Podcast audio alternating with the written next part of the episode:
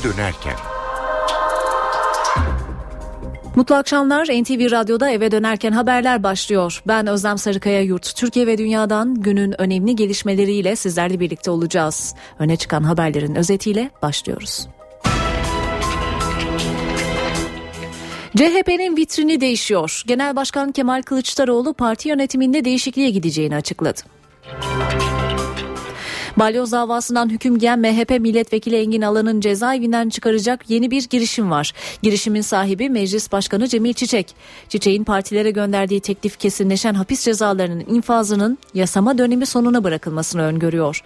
CHP öneriye temkinli yaklaştı, MHP destek verdi, AK Parti ise anayasal sorun doğabilir diyerek uyarıda bulundu. Muhalefet yaklaşan Cumhurbaşkanı seçimi öncesinde çatı yani ortak aday önerisini tartışıyor. Öneriyi MHP lideri Devlet Bahçeli gündeme getirdi. CHP'den değerlendiririz karşılığı geldi. Başbakanın açıklamasıyla gündeme gelen faiz lobisi konusunda Merkez Bankası Başkanı Erdem Başçı konuştu. Başçı her Türk vatandaşının lobi yapma hakkı var. Herkes kulis yapabilir. Bu siyasetçiler için de geçerli dedi. UEFA Türk hakem Cüneyt Çakır'ı Atletico Madrid ile Real Madrid arasında oynanacak Şampiyonlar Ligi finalinde dördüncü hakem olarak görevlendirdi. Öne çıkan haberlerden satır başlarını aktardık. Şimdi ayrıntılar.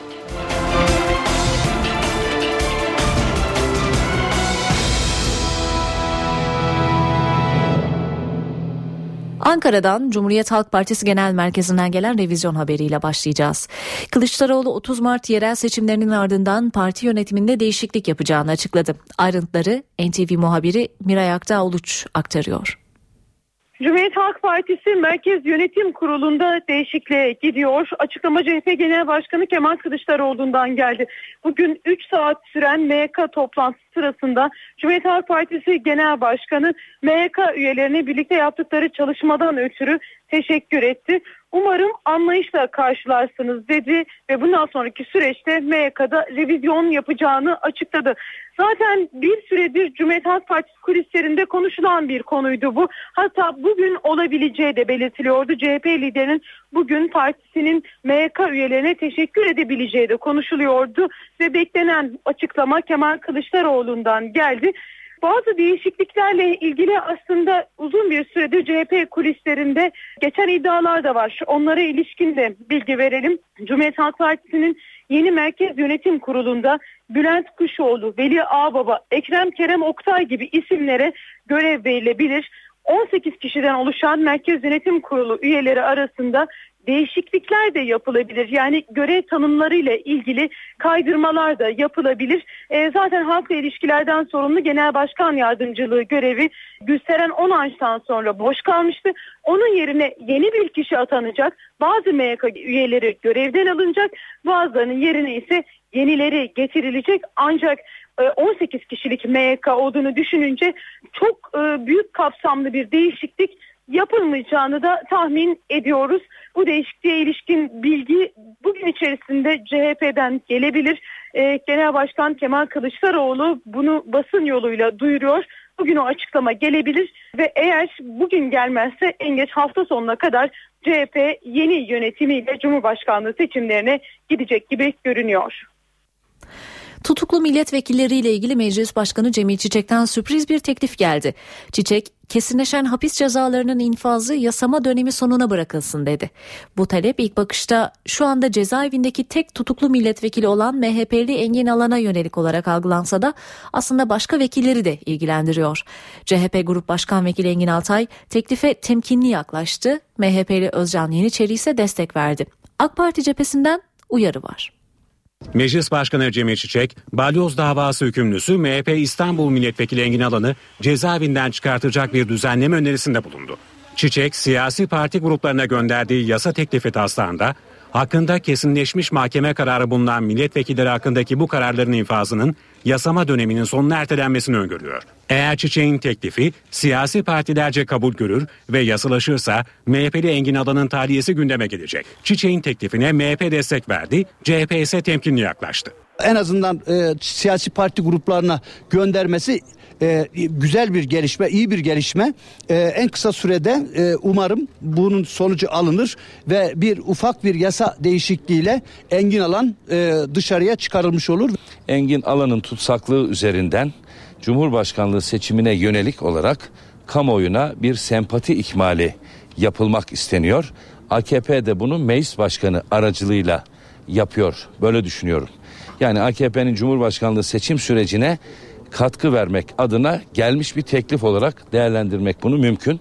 AK Parti ise teklifi hafta sonu Afyon kampında değerlendirecek. Ancak Genel Başkan Yardımcısı Mehmet Ali Şahin, teklifin anayasanın yasama dokunulmazlığını düzenleyen 83. maddesi ve milletvekilinin düşmesini düzenleyen 84. maddesi dikkate alınarak incelenmesi gerektiğini söyledi. Bu düzenlemeyi geçirdikten sonra anayasal sorunla karşı karşıya kalabiliriz dedi. Teklif taslağı Yargıtay tarafından cezası kesinleşen HDP eş başkanı Sabahat Tuncer'le Anayasa Mahkemesi kararıyla tahliye edilen CHP milletvekilleri Mustafa Balbay, Mehmet Haberal ve HDP milletvekillerinin de cezaevine dönmesini engelleyecek. Cumhurbaşkanı seçimi siyasetin sıcak gündem maddelerinden. İktidar cephesinde istişareler sürerken muhalefet cephesinde ortak aday önerisi dillendirilmeye başlandı. MHP Genel Başkanı Devlet Bahçeli muhalefete ortak aday çağrısı yaptı. Partisinin bu yönde çalışma yürüttüğünü açıkladı. Türk milletinin seçmen profilini esas alarak bunlardan ortak bir aday çıkartmak suretiyle bütünleyici, kucaklayıcı ve milleti siyasi krize Cumhurbaşkanlığı seçimi münasebetiyle dönüştüremeyeceği bir aday üzerinde çalışmaların yapılması lazımdır. Muhalefet Cumhurbaşkanlığı seçiminde ortak aday arayışında. Bu kez MHP lideri Devlet Bahçeli konuştu. Çatı aday formülünü gündeme getirdi. Milliyetçi Hareket Partisi bu çatışmayı yapıyor.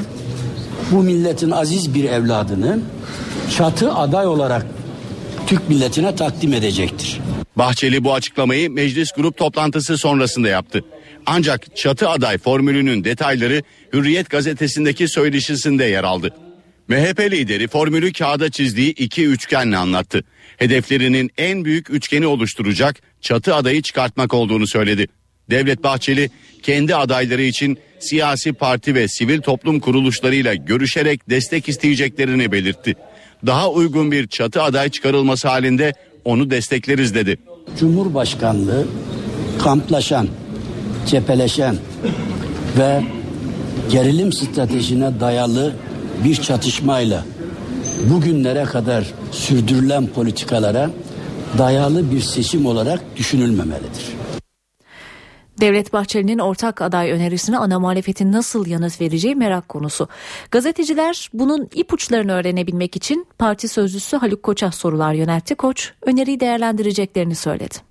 Şu anda e, değişik şeyler var. Herkes Cumhuriyet Halk Partisi'nin adayını merak ediyor. Ortada başka aday yok. Tabii ki bizim de istişarelerimiz oluyor. E, Sayın Genel Başkanımız e, bu konuda değişik noktalarda görüşmelerini yapıyor. E, Sayın Bahçeli'nin ifadelerini biz de medyadan okuduk. E, bu değerlendirmeler mutlaka Sayın Kılıçdaroğlu tarafından da yapılacaktır. Önümüzde daha süreç var. Şu anda bu istişareler, bu görüşmeler e, her boyutta devam ediyor.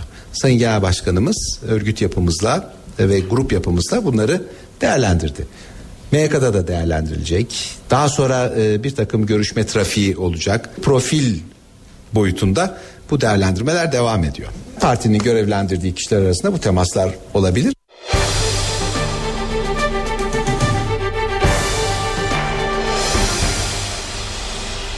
Balyoz davası avukatlarından Şule Erol'un Anayasa Mahkemesi önünde başlattığı eylem sürüyor. Erol'un adalet nöbeti olarak adlandırdığı bu eylemle ilgili Yüksek Mahkeme Başkanı Haşim Kılıç'tan açıklama geldi. Kılıç bunu saygıyla karşılıyorum dedi. Başvuruların kısa zamanda karara bağlanacağını belirtti. Bu talepleri ve gösterileri saygıyla karşılıyorum. Açıklama Anayasa Mahkemesi Başkanı Haşim Kılıç'tan geldi. Kılıç, balyoz davası kararının bir an önce çıkmasını bekleyenlerin mahkeme önünde başlattığı adalet nöbetini değerlendirdi. Doğrusu ben bu talepleri ve gösteriyi saygıyla karşılıyorum. Demokrasilerde bu tür gösteriler ve talepler normaldir. Çünkü insanlar tepkilerini, sıkıntılarını en demokratik şekilde dile getiriyorlar. Ben işte buna saygı duyarım. Kılıç Hürriyet gazetesine konuştu. Her arkadaşım vicdani sorumluluğunun bilincinde. Balyoz davası ile ilgili karar olabildiğince kısa zamanda verilecektir dedi. Anayasa Mahkemesi önünde adalet nöbeti de devam ediyor. Mahkeme Başkanı Haşim Kılıç binadan makam aracıyla çıkarken eylemciler de oradaydı. Avukat Şule Nazlıoğlu Erol sonuç alana kadar eylemin süreceğini söyledi. Siz oradan çıkıncaya kadar devam edeceğiz. 6 ay bitecek. Hala buradan bir karar çıkmış değil. Onun için Şule Hanım'ın burada başlattığı bu nöbete ben de gelerek, katılarak destek vermek istedim. Cezaevinde hayatını kaybeden balyoz hükümlüsü Albay Murat Özenerp'in annesi de destek için Anayasa Mahkemesi'ne geldi. Balyoz davasında 16 yıl hapis cezasına çarptırılan emekli kor general Doğan Temel'in avukatı da müvekkilinin sağlık durumunu gerekçe göstererek infazın 6 ay ertelenmesi talebinde bulundu. Balyoz davasına bakan Anadolu 4. Ağır Ceza Mahkemesi'ne dilekçe veren avukat müvekkilinin yumuşak doku kanseri olduğuna yönelik raporu gerekçe gösterdi. YouTube'a erişim engelinin kaldırılması için iki mahkemeden karar çıktı. Gözler Telekomünikasyon İletişim Başkanlığı'na çevrildi. Site henüz açılmış değil. Telekomünikasyon İletişim Başkanlığı'nın zayıf bir ihtimal olmakla beraber mahkeme kararına itiraz edebileceği belirtiliyor. Tip mahkeme kararının kendisine ulaşmasının ardından bir değerlendirme yapacak. Telekomünikasyon İletişim Başkanlığı'nın mahkeme kararına itiraz hakkı da var. Ankara 4. İdare Mahkemesi YouTube'a erişim engelinin yürütmesini durdurmuştu. Uzmanlar 27 Mart'tan bu yana erişime kapalı olan YouTube'un hemen açılması gerektiği görüşünde. İdare Mahkemesi yürütmeyi durdurma kararının gerekçesinde tüm siteye erişimin engellenmesinin ölçüsüz bir uygulama olduğunu vurgulamış, yasağın ifade hürriyetinin özüne dokunduğunu belirtmişti.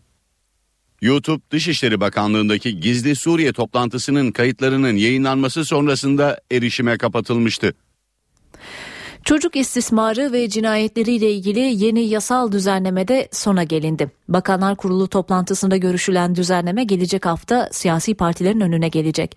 Aile ve Sosyal Politikalar Bakanı Ayşenur İslam düzenlemeyi muhalefet partilerine anlatacağını söyledi. Bakan iki hafta sonra ikiz bebekleriyle birlikte hapse girecek HDP'li Mülkiye Demir Kılınç'ın durumuyla ilgili de bilgi verdi. Hükümet son dönemde peş peşe işlenen çocuk cinayetlerinin ardından hazırladığı yasal düzenlemeyi meclise sevk etmeden siyasi partileri anlatacak. Ben önümüzdeki hafta e, Aile ve Sosyal e, Politikalar Bakanı olarak mecliste yer alan bütün siyasi partilerin grup başkan vekillerini davet ederek konuyu kendileriyle görüşeceğim ve onlardan destek isteyeceğim. Ama henüz bu toplantıyı yapmadan gelen bu e, destek için gerçekten minnettarım. Teşekkür ediyorum. Aile ve Sosyal Politikalar Bakanı Ayşe Nur İslam hazırlanan tasarının amacını da anlattı. Eğer cezalar e, adaleti sağlayacak biçimde en yüksek e, hadlerde verilebilirse caydırıcı da olacaktır muhakkak diye düşünüyoruz. Bu bakış açısıyla yeniden gözden geçirildi. Sattığı kitaplar nedeniyle terör örgütüne yardım ve yataklık suçlamasıyla 19 Mayıs'ta ikiz çocuklarıyla birlikte hapse girecek Mülkiye Demir Kılıç'ın durumu da Bakan İslam'a soruldu. Biz devreye zaten girdik konuyla ilgili olarak. Bu desteği verebileceğimizi e, söyledik kendisine. Çocuklarını bize vermektense, bizim kurumlarımıza vermektense e, hapishanede onlarla beraber olmayı tercih edeceğini söyledi. O zaman ona e, gündüz kreş bakımı önerdik. Yani gece çocuklarını sizinle kalsın, e, gündüz biz onları bir kreşte e, ağırlayalım dedik. Onu da reddetti. Ayşenur İslam, Mülkiye Demir Kılınç'ın cezasının ertelenmesi mümkün mü sorusuna ise o Adalet Bakanlığı'nın konusu yanıtını verdi. CHP lideri Kemal Kılıçdaroğlu'nu sehven ifadeye çağırdığı gerekçesiyle Edirne'ye atanan savcı Mehmet Demir hakkındaki karara itiraz edecek. Savcı Demir CHP Genel Başkanı Kemal Kılıçdaroğlu'nun sözlerine de tepki gösterdi. 1983 yılında İstanbul Hukuk Fakültesinden mezun olduğunu belirten savcı Demir, eğer diplomaları yarıştıracak olursak Kılıçdaroğlu'nun diploması benim diplomam yanında gözyaşları içinde kalır dedi. Savcıya hakaretin suç olduğunu da belirten savcı Demir, Kılıçdaroğlu için hem suç duyurusunda bulunacağını hem de tazminat davası açacağını söyledi. Ankara Cumhuriyet Başsavcılığı bir telefon görüşmesinde İslam dinini açıkça aşağıladığı iddiasıyla yürütülen soruşturmada AK Partili Egemen Bağış hakkında takipsizlik kararı verdi. CHP İstanbul Milletvekili Mahmut Tanal, gazeteci Metehan Demir'le telefon görüşmesinde İslam dinini açıkça aşağıladığı iddiasıyla eski bakan Egemen Bağış hakkında suç duyurusuna bulunmuştu. Bunun üzerine başlatılan soruşturmada Bağış hakkında kovuşturma yapılmasına yer olmadığına karar verildi. Değerli dinleyenler eve dönerken haberlerde şimdi kısa bir ara ardından tekrar sizlerleyiz. Eve dönerken devam ediyor. Eve dönerken haberler devam ediyor. Değerli dinleyenler Adana'da apandisit teşhisi konulan bir kadın iddiaya göre eşi doktorla tartışınca ameliyathaneden atıldı. Hasta kadın sedye ile bir başka hastaneye taşınırken doktor hakkında inceleme başlatıldı. İlyas Mercan doktorla tartıştığı için eşinin ameliyathaneden çıkarıldığını öne sürdü. Karın ağrısı şikayetiyle Adana Devlet Hastanesi'ne kaldırılan Cariye Mercan'ın apandisit ameliyatı olmasına karar verildi. Ancak iddiaya göre hasta kadın 8 saat ameliyat için bekletilince kadının eşi doktorla tartıştı. Perişan halde bak hastam ölüyor lütfen. Acildir apantez dedi patladı patlayacak dedi. Yüksek sesle konuştum diye kesinlikle hakaret anlamında bir kelime yok. Ondan sonra defalarca özür diledim. Benim hastam ölüyor dedim. Yani lütfen sahip çıkın dedim. Dedi ki sen yüksek sesle konuşmuşsun. Senin özrün de geçerli değil. Sen de geçerli değilsin. Ne halin varsa gör dedi. Ameliyathaneden çıkarılarak hastaneden kovulduklarını söyleyen Mercan ailesi kendilerine ambulans verilmediğini de öne sürdü. Yakınları kadını sedye ile 500 metre uzaklıktaki Doktor Aşkın Tüfekçi Devlet Hastanesi'ne götürdü. Ancak burada yapılan muayenede Cariye Mercan'a apandisit teşhisi konmadı.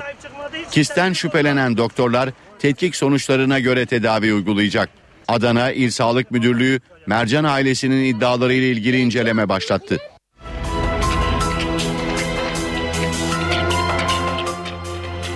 İzmir'de 29 yaşındaki bir genç koşu bandında spor yaparken rahatsızlandı ve hayatını kaybetti. Aile oğullarının zayıflamak için aşırı spor yaptığını ve kas geliştirici ilaç kullandığını söylüyor. Bilinçsiz yapılan spor mu? Kas yapmak için alınan haplar mı? İzmir'de spor yaparken kalp krizi geçirerek yaşamını yitiren 29 yaşındaki Çağlar Çam'ın ölüm nedeni araştırılıyor. Çağlar Çam, Bornova'da bir spor salonunda koşu bandının üzerindeyken aniden rahatsızlandı. Hastanede Çağlar Çam'ın duran kalbini çalıştırmak için bir saat mücadele eden doktorların çabası sonuç vermedi. 3 ay sonra evlenecek olan Çağlar Çam, düğün öncesi zayıflamak için spor yapmaya başladı. Ailesine göre kas yapıcı ilaçlardan da kullanıyordu. İlaç kullanıyordu evet. Evet Ağustos'ta düğünü vardı onun için çabalıyordu biraz. Yağlar eriteceğim, kas yapacağım diyor. Bir vitamin bu bir haplardan kullanıyor şeylerden. Nereden temin ettiğini bilmiyoruz. Çağlar Çam'ın kesin ölüm nedeni yapılacak otopsiyle belirlenecek. Bu olayda olduğu gibi Türkiye'de spor yapanların bir kısmı protein tozu yani kas geliştirici madde kullanıyor. İzmir'de hayatını kaybeden gencin de bu tozu kullandığı için ölmüş olabileceği ifade ediliyor. En azından iddia bu yönde. NTV'den Burak Özcan konuyu uzmanına sordu. Kardiyolog Türker Baran kas geliştirme amacıyla içilen protein tozunun organ yetmezliğine yol açabileceği uyarısında bulundu. Kimi kilo vermek, kimi vücut geliştirmek için protein tozu kullanıyor.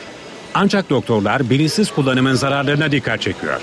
Bunları alan insanlarda çok e, genellikle hani bilimsel ölçerek tartarak bu işi yapmıyorlar. Bunun fazla alınması beklenen yararın ötesinde bir takım zararlara yol açıyor.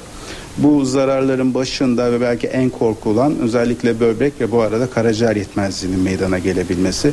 Ama bunun dışında takım zehirlenmelerden tutun işte e, mide sistemiyle alakalı olumsuzlukların gelişmesine, doğal beslenmenin terk edilmesine bağlı bir takım tam tersi eksikliklerin oluşmasına kadar ulaşan bir süreçle karşı karşıya kalabiliyorlar. Uzmanlara göre protein tozu olmadan da iyi bir vücuda sahip olmak mümkün. Tavuk, ondan sonra dana eti, balık gibi ürünleri, e, yiyecekleri eğer yeterince yersen, doğru düzgün yersen ve güzel çalışırsan hocanla birlikte muhakkak güzel kaslara sahip olursun. Öyle kocaman kocaman şişme kaslar da iyi değildir zaten. Protein tozunun doktor kontrolünde kullanılması gerekiyor. Sizin kas yapınız nasıl, kalp yapınız nasıl, akciğer yapınız nasıl, burundan e, nefes alıp verişiniz nasıl? Burada hani sadece kısa vadede bir vücut yapısını değil, aynı zamanda uzun vadeyi düşünmemiz lazım. Bu da e, tabii aslında hekimiyle, spor hocasıyla, kimi zaman diyetisyeniyle takım çalışması yapmak anlamına geliyor.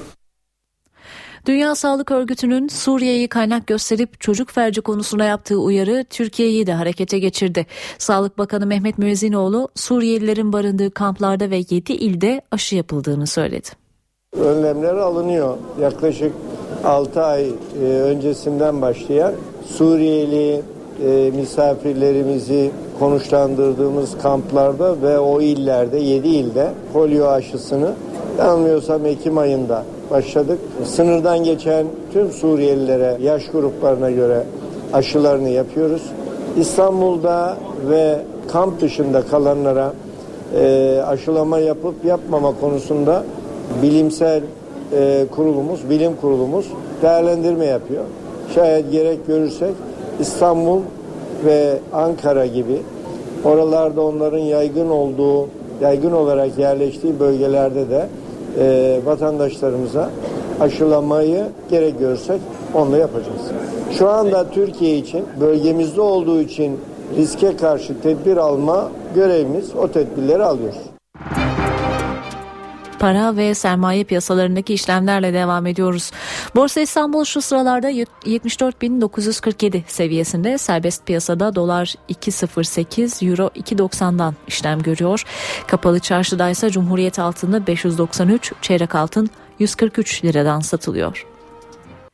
İstanbul yollarındaki trafik durumunu an itibariyle aktaracağız. E5 üzerinde Avrupa yakasından başlayacağız. Anadolu'ya geçiş yönüne doğru gideceğiz. Bakırköy'de başlıyor yoğunluk. Özellikle Şirinevler'e kadar, e, Şirinevler bölgesine kadar Sefaköy arası e, yoğun olarak görünüyor. E5 üzerinde. Daha sonra Bahçelievler civarında açılan yol Haliç Köprüsü girişinde yoğunlaşıyor ve bu yoğunluk köprü çıkışına kadar hatta Altunizade'ye kadar devam ediyor. Yani Boğaziçi Köprüsü şu an itibariyle Avrupa'dan Anadolu'ya geçiş yönünde yoğun görünüyor. Tersi yönde köprü girişine kadar yoğun bir trafik var ki bu trafik yine e, Küçük Çamlıca civarında başlıyor. Köprü üzerinde açılıyor ve E5 yine Haliç çıkışına kadar açık görünüyor tersi yönde.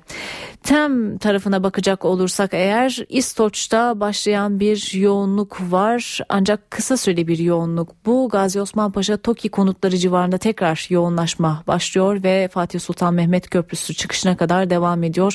Tersi yönde köprü girişine kadar bir yoğunluk söz konusu. Köprü çıkışı ve tem rahat. Eve dönerken devam ediyor.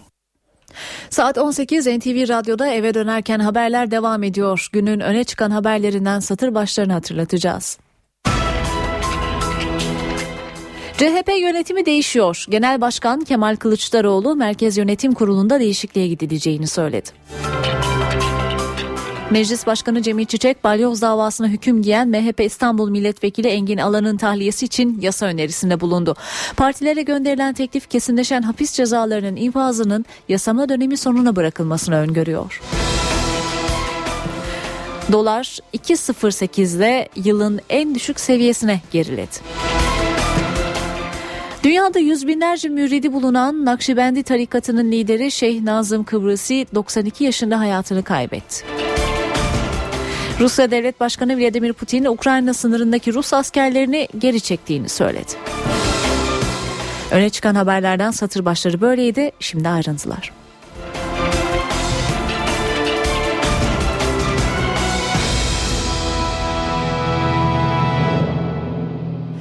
CHP'de yerel seçim sonrası konuşulan Merkez Yönetim Kurulu değişikliği konusunda Genel Başkan Kemal Kılıçdaroğlu bugün açıklama yaptı. Kılıçdaroğlu partisinin Merkez Yönetim Kurulu'nda değişikliğe gidileceğini söyledi. 18 üyeden oluşan MYK'nın önemli bir bölümünün revize edileceğini ifade etti. Yeni MYK CHP'yi Cumhurbaşkanı seçimlerine taşıyacak. Değişikliğin hafta sonuna kadar yapılması bekleniyor. Kılıçdaroğlu iki gün önce Selefi Deniz Baykal'la bir görüşme yapmıştı. Baykal bu buluşmada Kılıçdaroğlu'na MYK'da değişikliğe gidilmesi gerektiğini söylemişti. Muhalefet Ağustos ayında yapılacak Cumhurbaşkanı seçimi öncesi ortak aday çıkartmayı tartışıyor. Öneriyi ilk olarak bugün MHP lideri Devlet Bahçeli dile getirdi. Henüz ortaya atılan bir isim yok ama CHP bu öneriye kapıları kapatmadı. Parti sözcüsü Haluk Koç değerlendiririz dedi.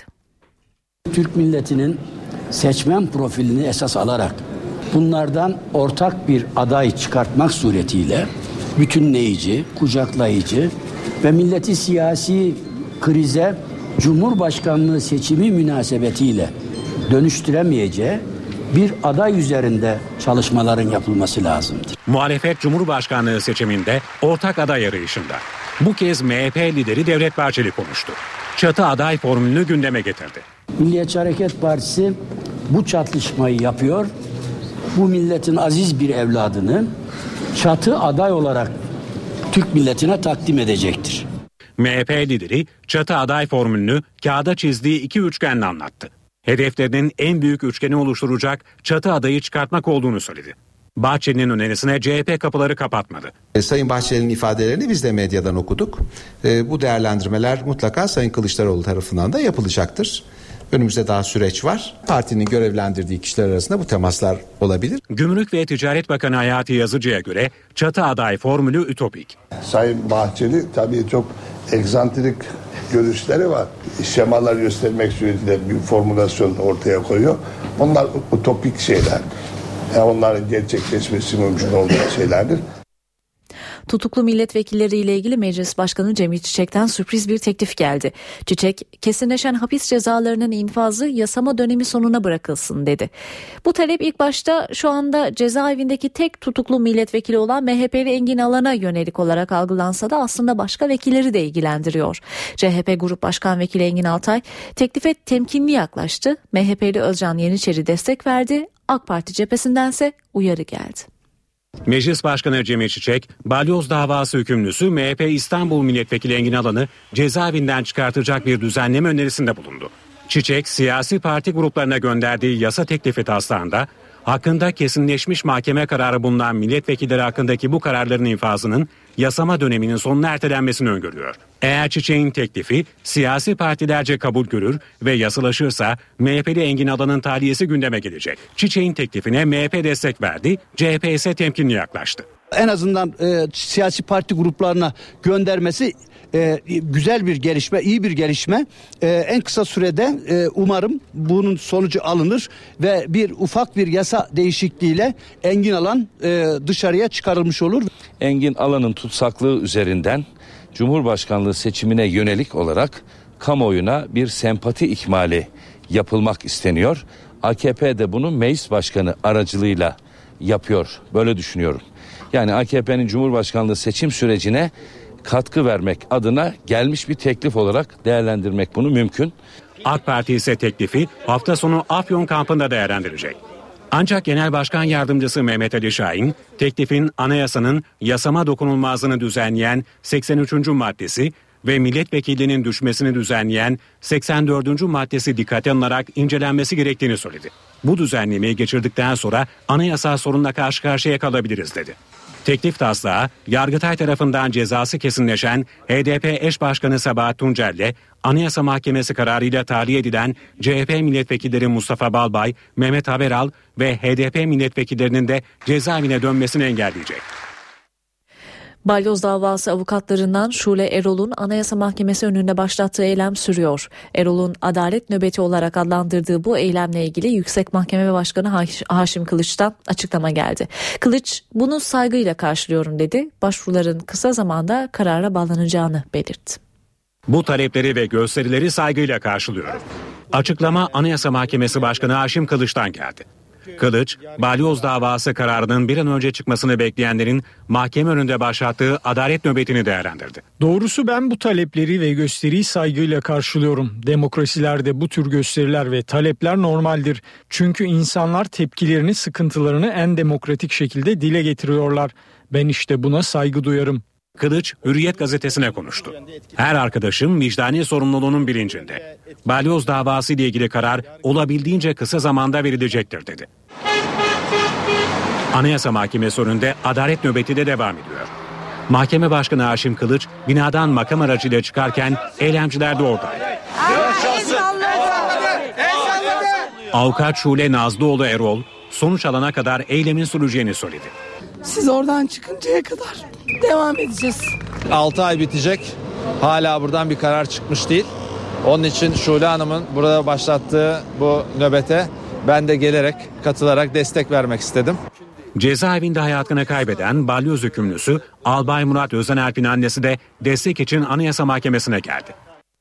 30 Mart'ta Diyarbakır'ın Lice ilçesinden seçilerek Türkiye'nin en genç belediye başkanı olan Rezan Zuhurli, PKK adına suç işlediği iddiasıyla 4 yıl 2 ay hapis cezası aldı. 25 yaşındaki Zuhurli 2010 ve 2011'de 3 ayrı gösteriye katıldığı gerekçesiyle tutuklandı. 13 ay cezaevinde kalan Zuhurli 35 yıla kadar hapis sistemiyle yargılandı. Rezan Zuhurli terör örgütü üyesi olmak suçundan 5 yıl hapis cezası aldı. Yargıtay eksik soruşturma nedeniyle kararı bozdu. Ancak yerel mahkeme yeniden yargıladığı Rezan Zuhli hakkındaki hükmünü değiştirmedi.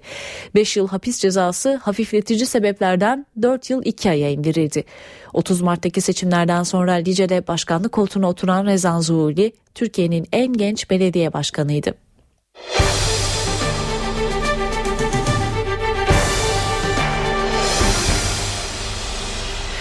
Enerji Bakanı Taner Yıldız, Kuzey Irak'tan Ceyhan'a petrol akışının 3-4 gün içerisinde başlayacağını söyledi. Yıldız, istenirse Türkiye'nin petrolü Avrupa'ya sevk edebileceğini ancak karşılığında nakil parası talep edeceklerini belirtti. Kuzey Irak'tan gelen e, ham petrol şu anda sevk edilmiş durumda değil. Zaman zaman ben de basından okuyorum.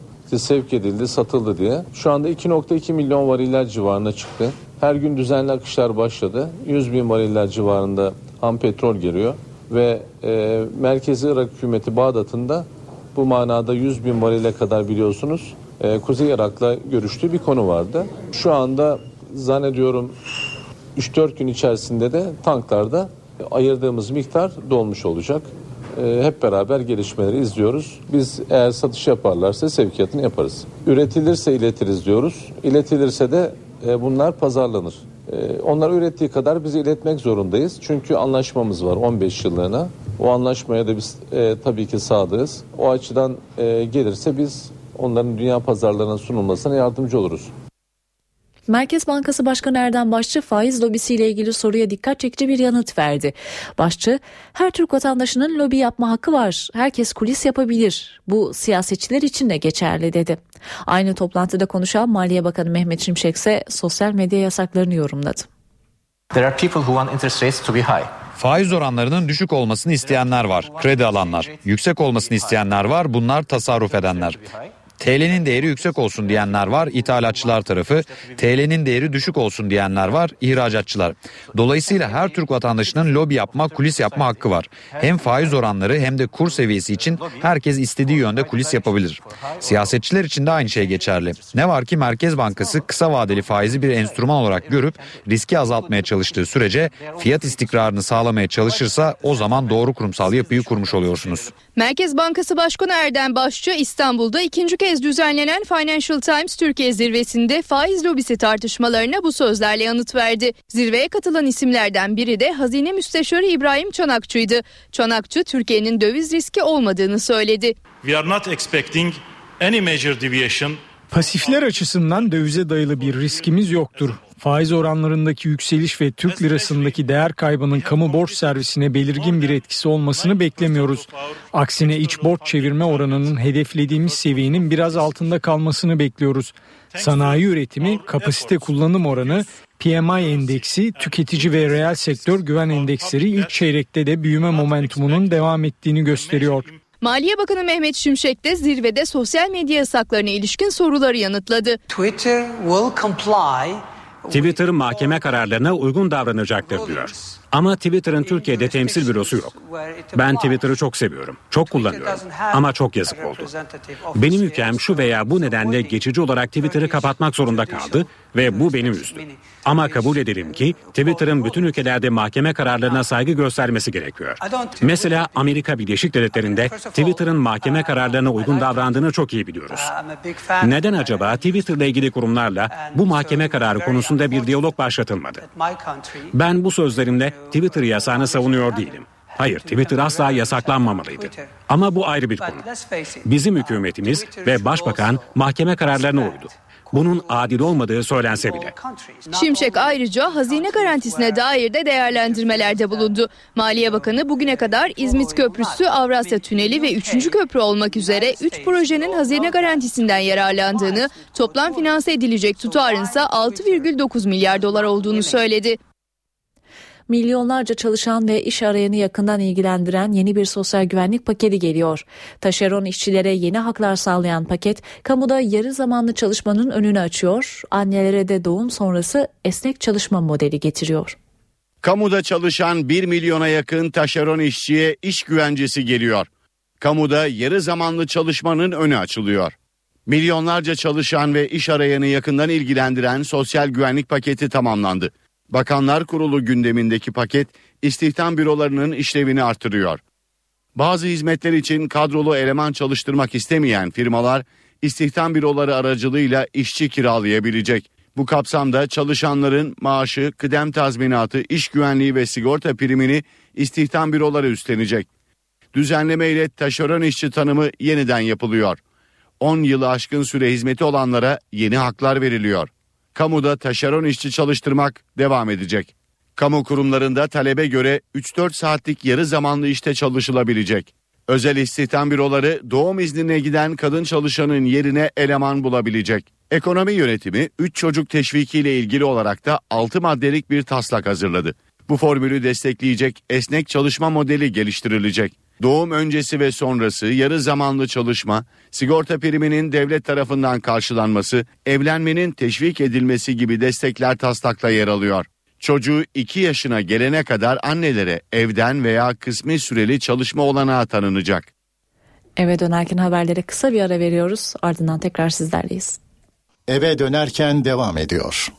Tekrar sizlerleyiz. Kuraklık gerekçesiyle ekmek fiyatlarına zam yapılacağı iddiaları ile ilgili Türkiye Fırıncılar Federasyonu'ndan açıklama geldi. Federasyon Başkanı Halil İbrahim Balcı kuraklık var ama zam yok diye konuştu. Un fiyatlarında yaşanan artışın ekmek fiyatlarına yansıtılmadığını hatırlatan Balcı, fırıncı esnafı olarak ekmek fiyatlarındaki artışı son çare olarak görüyoruz dedi. Enerji Piyasası Düzenleme Kurumu Türkiye'de kaçak elektrik kullanımının yaygın olduğu bölgeler için yeni bir düzenleme hazırlıyor. Doğu ve Güneydoğu'da elektrik faturalarında sabit fiyat olacak.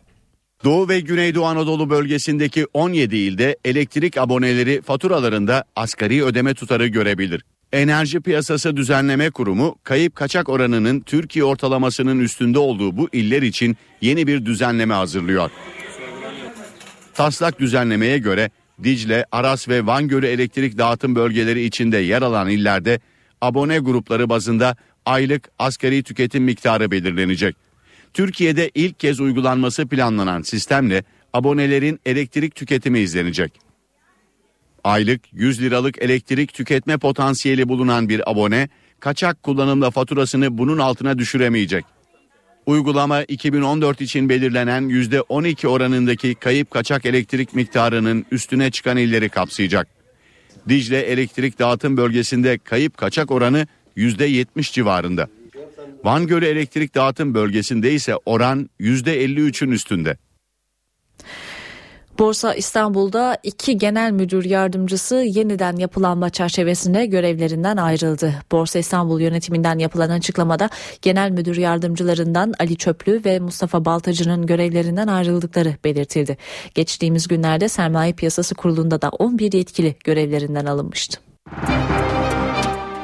Para ve sermaye piyasalarındaki işlemleri aktaralım. Borsa İstanbul günü 74.978 puandan tamamladı. Serbest piyasada dolar 2.08, euro 2.90'dan işlem görüyor. Kapalı çarşıda ise Cumhuriyet altını 593, çeyrek altın 142 liradan satıldı.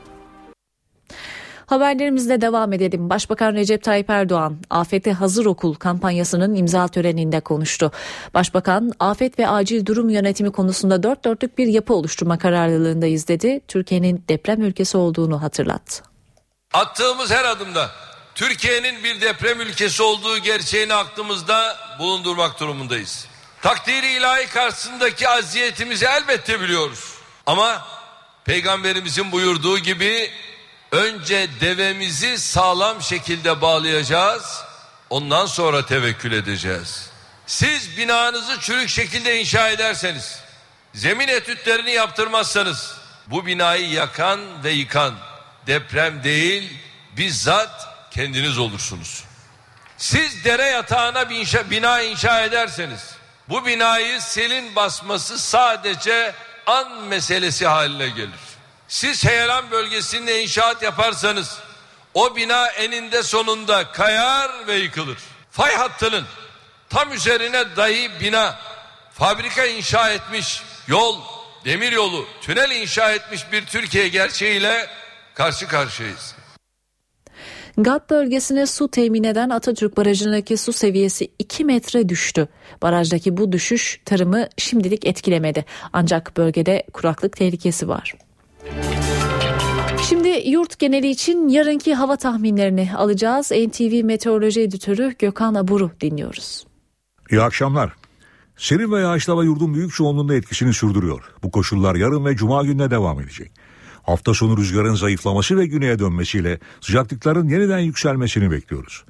Yarın Marmara, Batı Karadeniz ve Ege'de yağış görülmeyecek. Doğu Akdeniz ve İç Anadolu'da daha kuvvetli olmak üzere Doğu Karadeniz, Doğu ve Güneydoğu'da ise aralıklarla devam edecek. Marmara'nın doğusunda da hafif yağış görülebilir. Cuma günü Güney Ege'de özellikle Batı Akdeniz'de çok daha kuvvetli olmak üzere yurt genelinde yağış var. Yağışlar Kuzey Ege, Marmara'nın güneyi, İç Anadolu'nun doğusu ve Güneydoğu'da giderek kuvvetlenecek.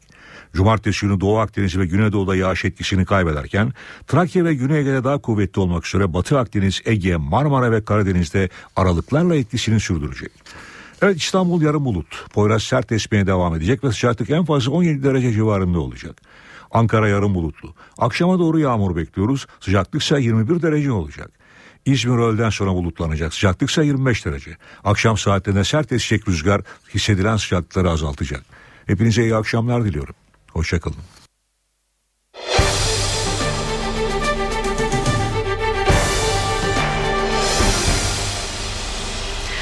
Yurt genelinden haberlerle devam edeceğiz. Adana'da apandisit teşhisi konulan bir kadın iddiaya göre eşi doktorla tartışınca ameliyathaneden atıldı.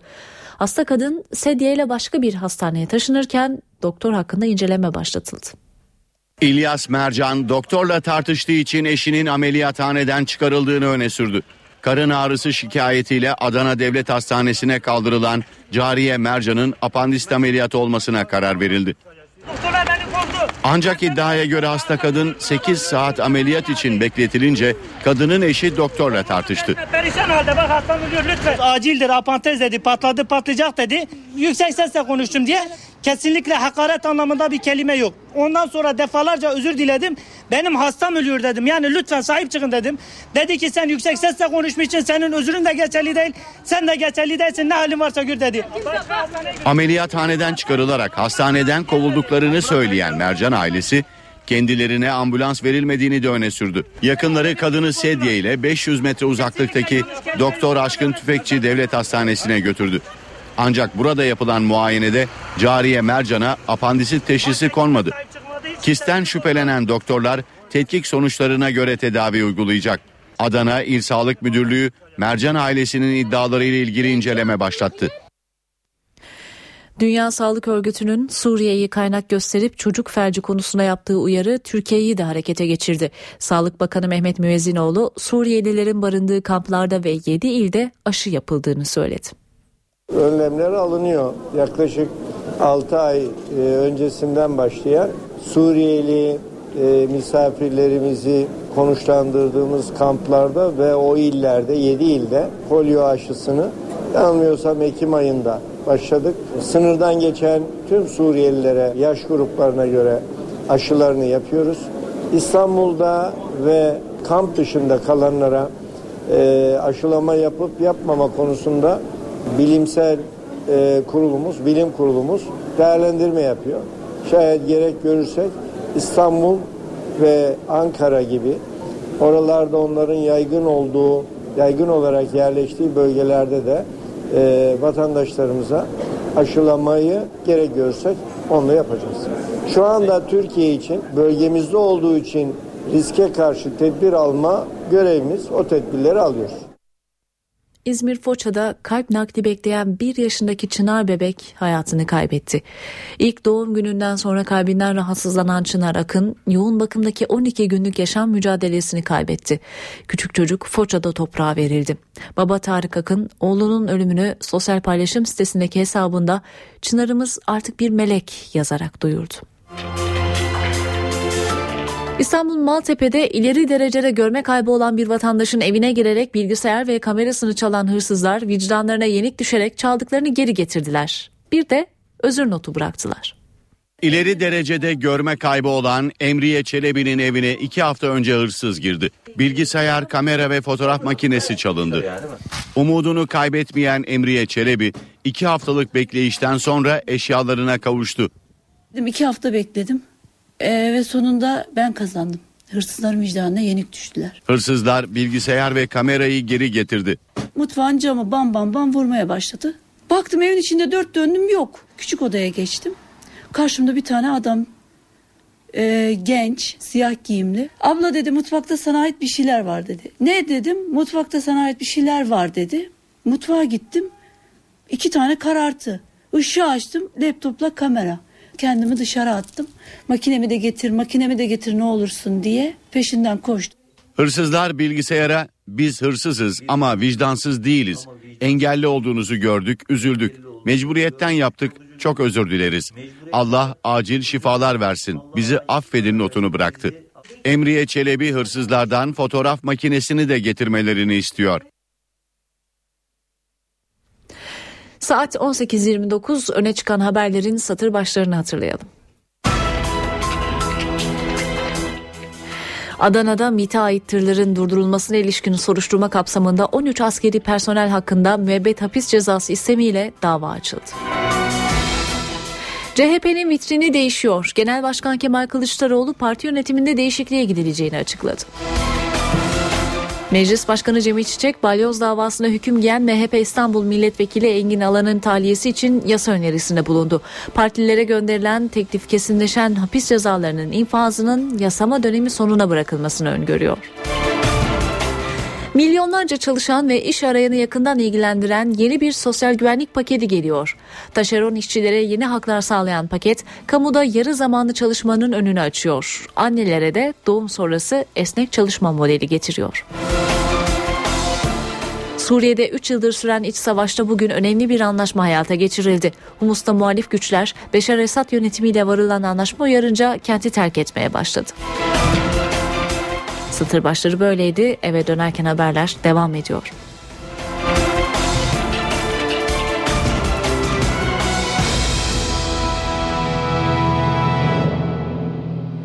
Dünya gündemiyle devam edeceğiz. Rusya Devlet Başkanı Vladimir Putin askeri birliklerini Rusya-Ukrayna sınırından çektiklerini söyledi. Vladimir Putin, Ukrayna'daki Rusya yanlısı ayrılıkçılara 11 Mayıs'ta düzenleyecekleri referandum ertelemeleri çağrısında da bulundu. Rus yanlıları bu öneriyi değerlendireceklerini duyurdu. Ukrayna'nın doğu bölgelerinde kontrolü ele geçiren Rusya yanlısı ayrılıkçılar pazar günü bölgenin Ukrayna'dan ayrılması için tek taraflı olarak referandum düzenlemeyi planlıyordu. Ukrayna hükümeti referandumun yasa dışı olduğunu savunuyordu. Nijerya'da polis radikal Boko Haram örgütü tarafından kaçırılan 230 kız öğrencinin bulunması için bilgi verenlere 300 bin dolar ödül vaat etti. Amerika Birleşik Devletleri de öğrencilerin kurtarılması için Nijerya'ya özel bir heyet gönderdi. Heyette askerlerin yanı sıra rehine pazarlığı konusunda uzman personel de bulunuyor. Boko Haram örgütünün lideri daha önce kız öğrencileri köre olarak satma tehdidinde bulunmuştu. Dünyanın en büyük tarikatı olan Nakşibendilerin lideri Şeyh Nazım Kıbrısi 92 yaşında hayatını kaybetti. Yüz binlerce müridi bulunan Nazım Kıbrısi Kuzey Kıbrıs Türk Cumhuriyeti'nde toprağa verildi. Ayrıntıları NTV temsilcisi Selim Sayır anlatacak. Nakşibendi tarikatının dünyaca ünlü lideri Şeyh Nazım Kıbrısi 20 gündür tedavi gördüğü hastanede hakkın rahmetine kavuştu. 92 yaşında hayata veda eden Şeyh Nazım Yakın Doğu Üniversitesi Tıp Fakültesi Hastanesi'nde yoğun bakım ünitesinde tutuluyordu. Çoklu organ yetmezliği yüzünden öğle saatlerinde vefat etti. Şeyh Nazım Kıbrıs'ın naaşı ikindi namazının ardından kılınan cenaze namazıyla sade bir törenle Lefki'deki dergahına defnedildi. Şeyh Nazım'ın ağırlaşması üzerine dünyanın dört bir yanındaki müritleri Kıbrıs'a gelerek hastanede Şeyh Nazım için dua ediyordu. Başbakan Recep Tayyip Erdoğan da Şehnaz'ın sağlık durumu hakkında sürekli bilgi alıyordu. Türkiye'den uzman doktorlar grubu da hastaneye gönderilmişti. Dünyanın en büyük tarikatı olan Nakşibendi'nin lideri Şehnazım, İslam doktrininin hayattaki en önemli temsilcilerinden biri olarak kabul ediliyor.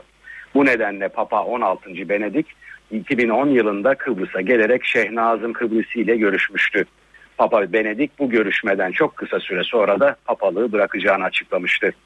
Şehnazım anne tarafından Mevlevi, baba tarafındansa Kadri soyundan geliyordu. Dolayısıyla dünyanın en büyük tarikatı olan Nakşibendi'nin tümünün temsilcisi bir soy yapısına sahipti. Nakşibendi lideri Şehnazım aynı zamanda Mevlana Celaleddin Rumi'nin kurucusu olduğu tasavvuf felsefesinde günümüzdeki temsilcisiydi. İstanbul'da kimya mühendisliği okuyan Şehnazım 1940'larda Nakşibendi Şeyhi Süleyman Erzurumi'nin dergahına girdi. Erzurumi'nin isteğiyle Şam'a gitti. Şeyh Abdullah Dağıstanlı'nın dergahına dahil oldu ve şeyhin vefatıyla 1973'te onun yerine geçti. Adanın batısında Leske kasabasındaki mütevazı dergahına defnedilen Şehnazım'ın Avrupa ve Amerika başta olmak üzere dünyanın 120 ülkesinden müritleri bulunuyor. Şehnazım'ın sayıları yüz binleri bulan müritleri arasında Brunei Sultanı, Pakistan Cumhurbaşkanı, şarkıcı Cat Stevens, Malezya Kralı ve Prensi de yer alıyor. Şehnazım dergahının ziyaretçileri arasında Türkiye'de siyaset ve iş dünyasının önde gelen isimlerinin yanı sıra Amerika Birleşik Devletleri Senatosu'ndan İngiliz parlamentosuna kadar dünyanın birçok ünlü siyasetçisi de bulunuyordu.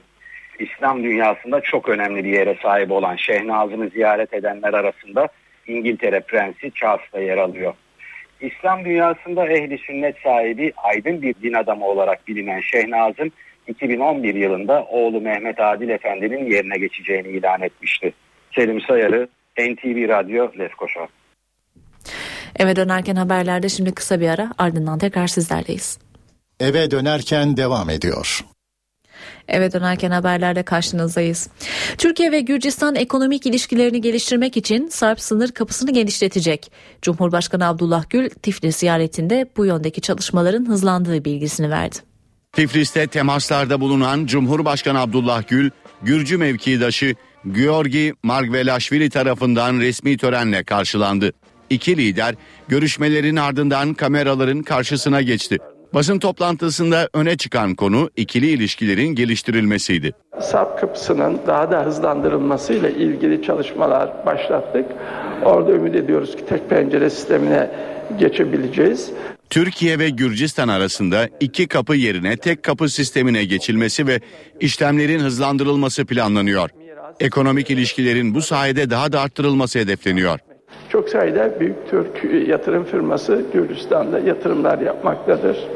Enerjide yaptığımız anlaşmayla Gürcistan'da üretilen elektriğin fazlası Türkiye üzerinden Türkiye'ye ve hatta Türkiye üzerinden Avrupa'ya satılabilecektir. Gürcistan Cumhurbaşkanı Georgi Margvelashvili de Türkiye'yi Gürcistan'ın gerçek dostu sözleriyle tanımladı. Cumhurbaşkanlığı sarayındaki görüşmelere Türkiye'den Dışişleri, Enerji, Ulaştırma ve Çalışma Bakanı katıldı. Ancak saraydaki görüşmelerde ve resmi karşılama töreninde Gürcü bakanlar yoktu. Bakanlar eski Cumhurbaşkanı Mihail Şaakaşvili'nin çok yüksek maliyetle yaptırdığı sarayı protesto etmek için görüşmelerde yer almadı.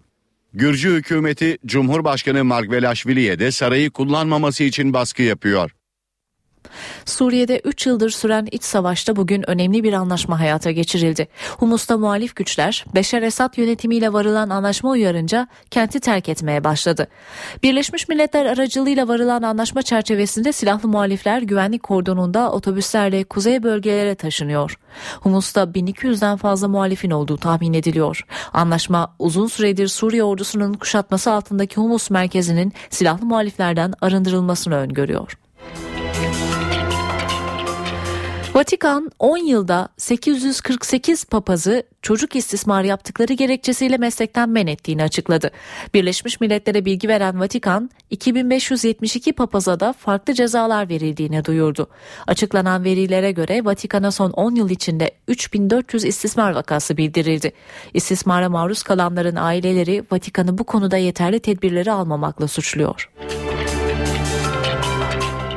Tayland'da Anayasa Mahkemesi Başbakan Yingluck Shinawatra'yı görevden aldı. Mahkeme Başbakanı 2011 yılında ulusal güvenlik sorumlusunu usulsüz bir şekilde değiştirerek kendisine çıkar sağlamaktan suçlu buldu. Görevini kötüye kullandığına hükmetti.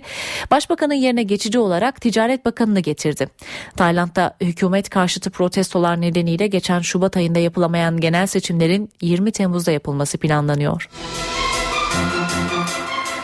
Beyaz Saray stajyeriyken dönemin başkanı Bill Clinton'la adı aşk skandalına karışan Monica Lewinsky yıllar sonra sessizliğini bozdu, pişmanım dedi. 16 yıl sonra yaşadıklarını kaleme alan Lewinsky hala birçok zorlukla karşı karşıya kaldığını söyledi. Başkan Clinton'la aramızda yaşananlardan derin pişmanlık duyuyorum. Bu sözler Amerika Birleşik Devletleri'nin eski başkanı Bill Clinton'la gizli bir ilişki yaşadığı ortaya çıkan Beyaz Saray stajyeri Monica Lewinsky'ye ait. Vanity Fair dergisi için bir makale kaleme alan Lewinsky, 16 yıl önce patlak veren skandalın özel hayatını yerle bir ettiğini yazdı. O dönemde 20'li yaşlarında olan Lewinsky, Clinton'la kendi rızasıyla birlikte olduğunu ancak eski başkanın kendisini kullandığını söyledi.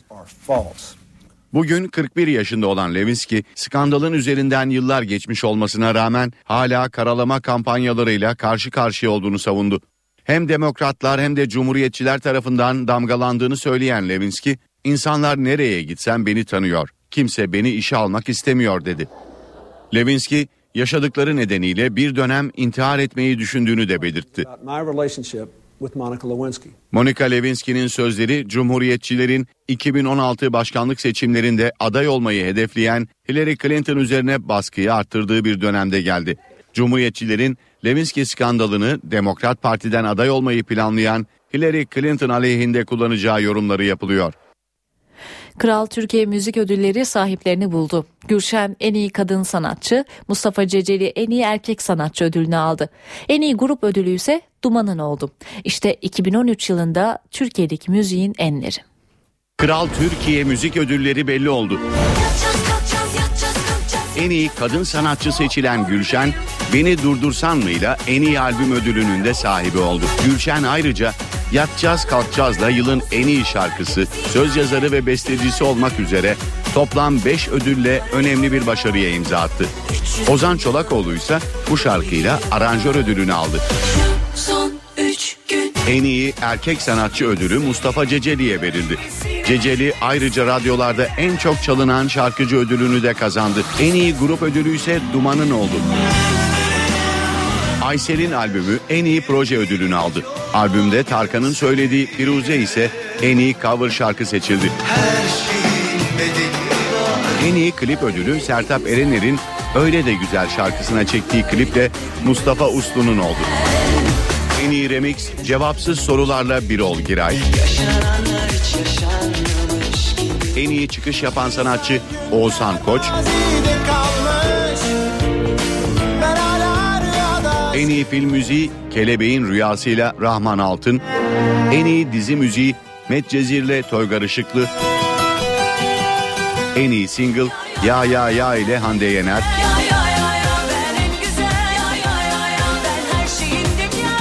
En iyi düet ödülü ise Kalbine Sürgün'le Rafet El Roman ve Ezo'ya gitti. En iyi enstrümantal albüm Taksim Trio 2. Radyolarda en çok çalan şarkı ise Bengü'nün söylediği Yaralı oldu. Yaralı, ben ömrümde bu kadar yıkılmamıştım. Eve dönerken haberlerde araya çıkıyoruz. Saat başına tekrar sizlerleyiz. Eve dönerken devam ediyor. Saat 19 eve dönerken haberlerde günün öne çıkan başlıklarını aktaracağız. Adana'da MİT'i tırların durdurulmasının ardından başlatılan casusluk soruşturması kapsamında 13 asker hakkında kamu davası açıldı. Askerlerin müebbet hapsi istendi. Zanlılar devletin gizli kalması gereken bilgilerini casusluk amacıyla temin etme ve açıklamakla suçlanıyor. Cumhuriyet Halk Partisi'nde yönetim değişiyor. Genel Başkan Kemal Kılıçdaroğlu MYK toplantısında parti yöneticilerine bir revizyona ihtiyaç olduğunu söyleyip düğmeye bastı. Bazı genel başkan yardımcılarının görevden alınması bekleniyor. Kılıçdaroğlu MYK'da değişiklik kararını partisinin son haftalarda örgütlerle üst üste yaptığı toplantılardan çıkan genel eğilim olduğu sonucunu aldı. Meclis Başkanı Cemil Çiçek balyoz davasına hüküm giyen MHP İstanbul Milletvekili Engin Alan'ın tahliyesi için yasa önerisinde bulundu. Partilere gönderilen teklif kesinleşen hapis cezalarının infazının yasama dönemi sonuna bırakılmasını öngörüyor. Başbakanın açıklamasıyla gündeme gelen faiz lobisi konusunda Merkez Bankası Başkanı Erdem Başçı konuştu. Başçı her Türk vatandaşının lobi yapma hakkı var. Herkes kulis yapabilir. Bu siyasetçiler için de geçerli dedi. Maliye Bakanı Mehmet Şimşek Twitter asla yasaklanmamalıydı dedi. Twitter'ın yargı kararlarını uygulamamasını eleştiren Şimşek buna rağmen erişim engellenmemeliydi diye konuştu. Şanlıurfa Mürşit Pınar sınır kapısında Suriye-Türkiye sınırına hendek yapılmasını protesto eden gruba jandarma müdahale etti. Olayların ardından sınıra takviye ekip sevk edildi. Suruç ilçesinde de sınıra duvar yapılmasını protesto eden esnaf iş yerlerini açmadı. Rusya Devlet Başkanı Vladimir Putin'den Ukrayna kriziyle ilgili önemli açıklamalar geldi. Putin, askeri birliklerimizi Ukrayna sınırından tamamen çektik dedi. Putin, Ukrayna'daki Rusya yanlısı ayrılıkçılara 11 Mayıs'ta düzenleyecekleri referandumu ertelemeleri çağrısında da bulundu. UEFA Türk hakem Cüneyt Çakır'ı Atletico Madrid ile Real Madrid arasında oynanacak Şampiyonlar Ligi finalinde dördüncü hakem olarak görevlendirdi. İstanbul Trafik Merkezi'nden aldığımız notları paylaşacağız. Tem'de ve E5 e üzerinde özellikle Avrupa'dan Anadolu'ya geçiş yönünde köprü trafiklerinin göze çarptığını görüyoruz. E5'te köprü trafiği Ok Meydanı'ndan başlıyor ve köprü çıkışında Altunizade'ye kadar devam eden bir trafik söz konusu. Boğaziçi Köprüsü'nde Anadolu'dan Avrupa'ya geçmek isteyenler için tersi yönde de Acıbadem Köprüsü'nden başlayan trafik köprü ortasına kadar devam ediyor. Köprü ortasında trafik açılıyor ve Haliç çıkışına kadar E5'te trafik şu an için rahat görünüyor. Tem'e bakacak olursak eğer Tem'de yol çalışmalarının da verdiği etkiyle birlikte Mahmut Bey gişelerin çıkışından itibaren başlayan bir trafik var. Avrupa'dan Anadolu'ya gidiş yönünde yine yer yer yoğunluk göze çarpıyor. Köprü trafiği Fatih Sultan Mehmet Köprüsü trafiği ise Gazi Osman Paşa Tır Parkı'nda başlıyor. Köprü üzerine kadar etkili köprü çıkışında trafik yok.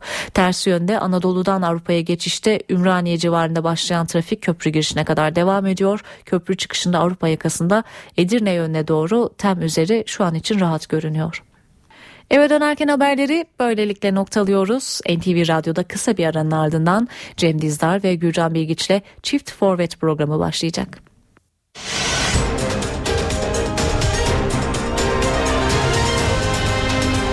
NTV Radyo, Türkiye'nin haber radyosu.